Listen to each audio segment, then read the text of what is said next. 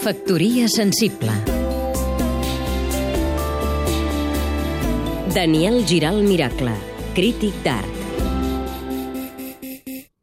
Un comiat elegant. Fa uns dies llegíem a la premsa una esquela que no tenia res de convencional, però és que la persona que s'acomiadava tampoc ho era. Em refereixo a la doctora Carmina Virgili, vital i entusiasta, culta i treballadora, que va morir a Barcelona als 87 anys després d'una vida intensa. El 1956 es va doctorar per la Universitat de Barcelona en Geologia, en Premi Extraordinari.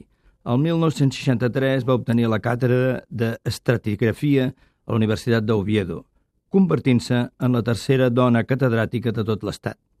Va exercir altres càrrecs a diverses universitats espanyoles i franceses i va ser nomenada secretària d'Estat d'Universitats i Recerca, directora del Col·legi d'Espanya a París i senadora del PSC.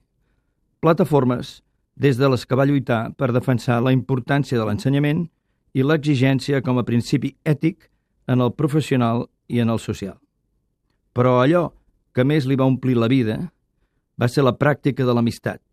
Per això, per acomiadar-se, va redactar la seva pròpia esquela amb aquestes paraules. Agraïda dels anys que ha viscut i de l'efecte que sempre ha trobat en els seus amics, companys, alumnes, col·legues, familiars. I, a més, com a dona compromesa amb la recerca, va donar el seu cos a la ciència. Tots els que hem tingut la sort de conèixer-la i compartir la seva joa de vivre a les antípodes de l'unaminià tràgico sentido de la vida, la trobarem a faltar. Adeu, Carmina. Factoria sensible. Seguim-nos també a catradio.cat